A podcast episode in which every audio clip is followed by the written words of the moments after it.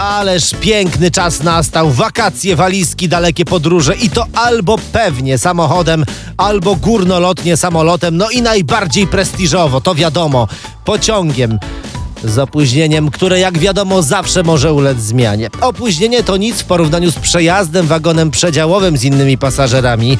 10.55, dworzec główny Szczecin, legendarny pociąg Intercity Rybak, kierunek Białystok. Wyobraźcie sobie, przedziale matka z dzieckiem, sfrustrowany ojciec, w którego samochód dzień wcześniej uderzyła z krwi i kości legalna blondynka, z lekkim niedosłuchem starsza pani i jej niewiele lepiej słyszący mąż z zapasem jajek na podróż do Giżycka.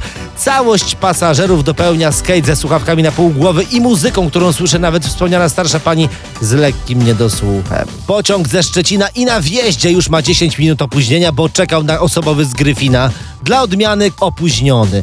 Dziecko się niecierpliwi, dziadek z frustracji już zaczyna obierać jajka, stukając wcześniej o framugę okna i czuć już ten charakterystyczny zapach podróży wakacyjnych, ten dźwięk ściąganej skorupki jaja na twardo.